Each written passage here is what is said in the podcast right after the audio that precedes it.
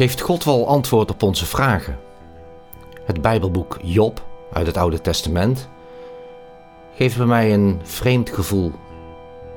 Job had heel veel vragen over de situatie waarin hij zat. En het lijkt een raar verhaal dat niet thuis hoort in de Bijbel. Ik zal een korte samenvatting geven van het boek Job. Job wordt omschreven als een zeer rijk en gelovig man. Hij bezat 7000 schapen en geiten, 3000 kamelen, 500 span runderen, 500 ezelinnen en een groot aantal slaven en slavinnen. Hij was de aanzienlijkste man van het oosten. Ook zijn trouw aan God wordt in het inleidende hoofdstuk sterk benadrukt. God stond Satan toe om Job in alle aspecten van zijn leven te raken, behalve hem te doden, om te bewijzen dat Job ook in moeilijke omstandigheden op God bleef vertrouwen. Het lijkt een soort weddenschap.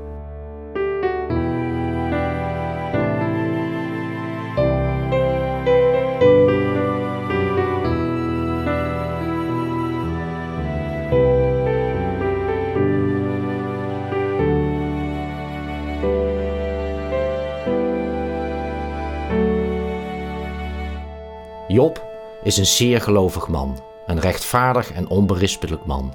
Oprecht en hield niet van kwaad. Hij was steenrijk, maar toch niet goddeloos. In hoofdstuk 29 kunnen we lezen: Ik bevrijdde de ellendige die om hulp riep en de wees die geen helper had. En verder: Hij was een vader voor de armen en de aanklacht die hij niet kende, onderzocht hij. Job verliest alles: zijn kinderen, zijn bezittingen en uiteindelijk ook zijn gezondheid.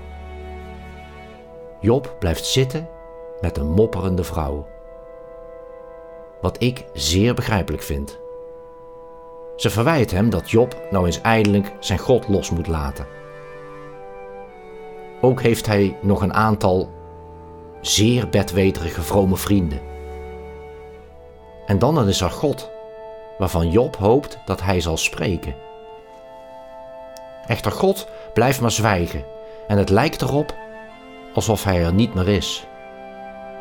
Hoofdstuk na hoofdstuk vertelt hij op alle mogelijke manieren hoe oneerlijk hij God vindt. Hij klaagt, schreeuwt, hij huilt. Alle stadia van verdriet gaat hij door. Verbitterd, depressief. Hij is boos. En het mooie is dat God hem dit niet aanrekent. Er staat: In dit alles zondigde Job niet met zijn mond. Er komt echter geen woord, antwoord. En het lijkt alsof God het niet kan interesseren. God had het toch kunnen voorkomen? God is toch liefde? Waarom laat hij dit toe?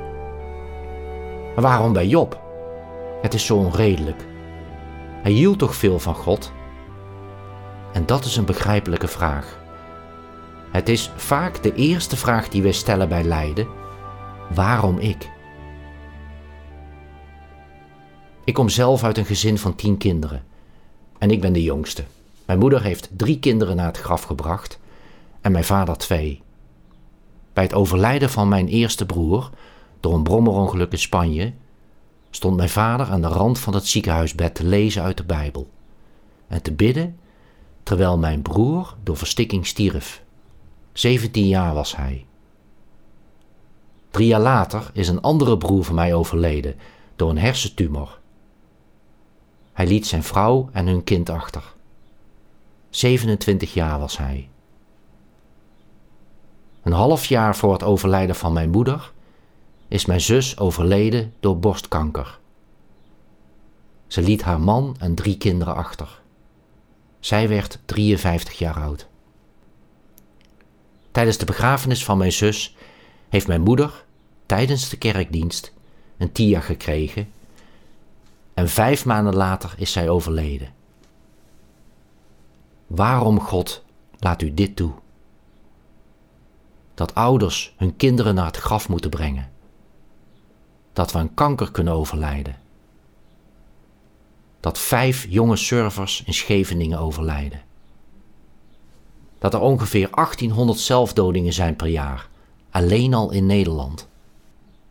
Een artikel uit Trouw van 6 april 2019 geeft de Zuid-Afrikaanse professor, filosoof David Benatar aan dat het beter is geen kinderen te krijgen. Ik lees een gedeelte voor. Hij zegt: miljoenen slachtoffers van natuurrampen de laatste duizend jaar. Honderden miljoenen mensen die nu honger lijden. Bijna 110 miljoen doden door oorlogen alleen al in de 20ste eeuw. De pest, verkrachtingen, kindermishandelingen en ga zo maar door. Al dat lijden had de slachtoffers kunnen worden bespaard als ze nooit waren geboren. God, u heeft toch beloofd dat u niet toelaat dat wij meer verzocht worden dan dat wij aankunnen, en ons helpt die te doorstaan. U bent toch de God van de liefde, en wat heeft dit met de liefde te maken? God laat Job zijn beklag doen. Hij zal nu toch wel uitleggen hoe het zit en waar het allemaal goed voor is geweest. Job heeft antwoorden nodig. Of misschien wel een wonder heeft God het op hem gemunt. Een wreed en haatdragende God. God is toch die wachtende vader die met open armen op ons op de uitkijk staat. Met onvoorwaardelijke liefde ons wil om, omarmen. En hoe reageert God? Vier hoofdstukken lang neemt God Job mee als een soort sightseeing door zijn schepping. Pas in hoofdstuk 39 reageert God. Hoe geweldig de schepping in elkaar zit. Hoe ironisch is dat? Daar zit Job toch niet op te wachten? Een rondje in de dierentuin van God. Als je dit alles zo ziet, hoe perfect, ik, hoe perfect ik het heb gemaakt, is het dan nog steeds niet duidelijk dat bij mij niets uit de hand loopt? Vertelt God hem. Ik ben de schepper voor mensen is het een onbeheersbare wereld. Voor mij is dat het niet. Vertrouw je mij, Job, ook in jouw gebrokenheid? Geloof je dat ik iets groters kan doen dan dat jij je kunt voorstellen? Dan waarvoor jij om hebt gebeden? En wat doet Job? Hij gelooft niet dat dit het enige gezicht van God is. Onbegrijpelijk niet zichtbaar, liefdeloos. In die verschrikkelijke, onbegrijpelijke, onmenselijke situatie verklaart Job zijn liefde en trouw aan God. Hij is tot het een diepst van zijn ziel geraakt. In hoofdstuk 42 lezen we: Alleen door het horen met het oor had ik u gehoord. Maar nu heeft mijn oog u gezien. Dit herkennen we misschien wel. We geloven in God, oprecht en overtuigd. We bidden, maar een persoonlijke relatie met God is wellicht iets heel anders. Job leert, als gelovige, God echt kennen. Hij ontvangt van God iets waar hij niet om heeft gevraagd, niet om heeft gebeden. Iets dat hem dwars door alle ellende heen vervult met een enorme blijdschap. Hij heeft een ontmoeting met God van hart tot hart. Al zijn vragen zijn niet beantwoord. Ze deden er niet meer toe. We mogen erop vertrouwen dat God betrouwbaar is. We mogen met al onze vragen bij Hem komen. Gods liefde echter gaat verder dan wij ons kunnen voorstellen en Hij roept ons op ons te laten leiden. Niet door onze onbeantwoorde vragen, maar door Zijn liefdevolle beloften. Laten we onze ogen richten op de dingen die we niet zien en niet op de dingen die we zien.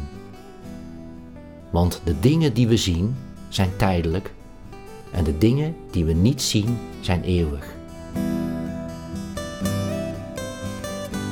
Bij het overlijden van mijn tweede broer is er een Bijbeltekst gekozen uit Romeinen 8, vers 18 waarin een geweldige belofte staat. Want ik ben ervan overtuigd dat het lijden van de tegenwoordige tijd niet opweegt tegen de heerlijkheid die aan ons geopenbaard zal worden.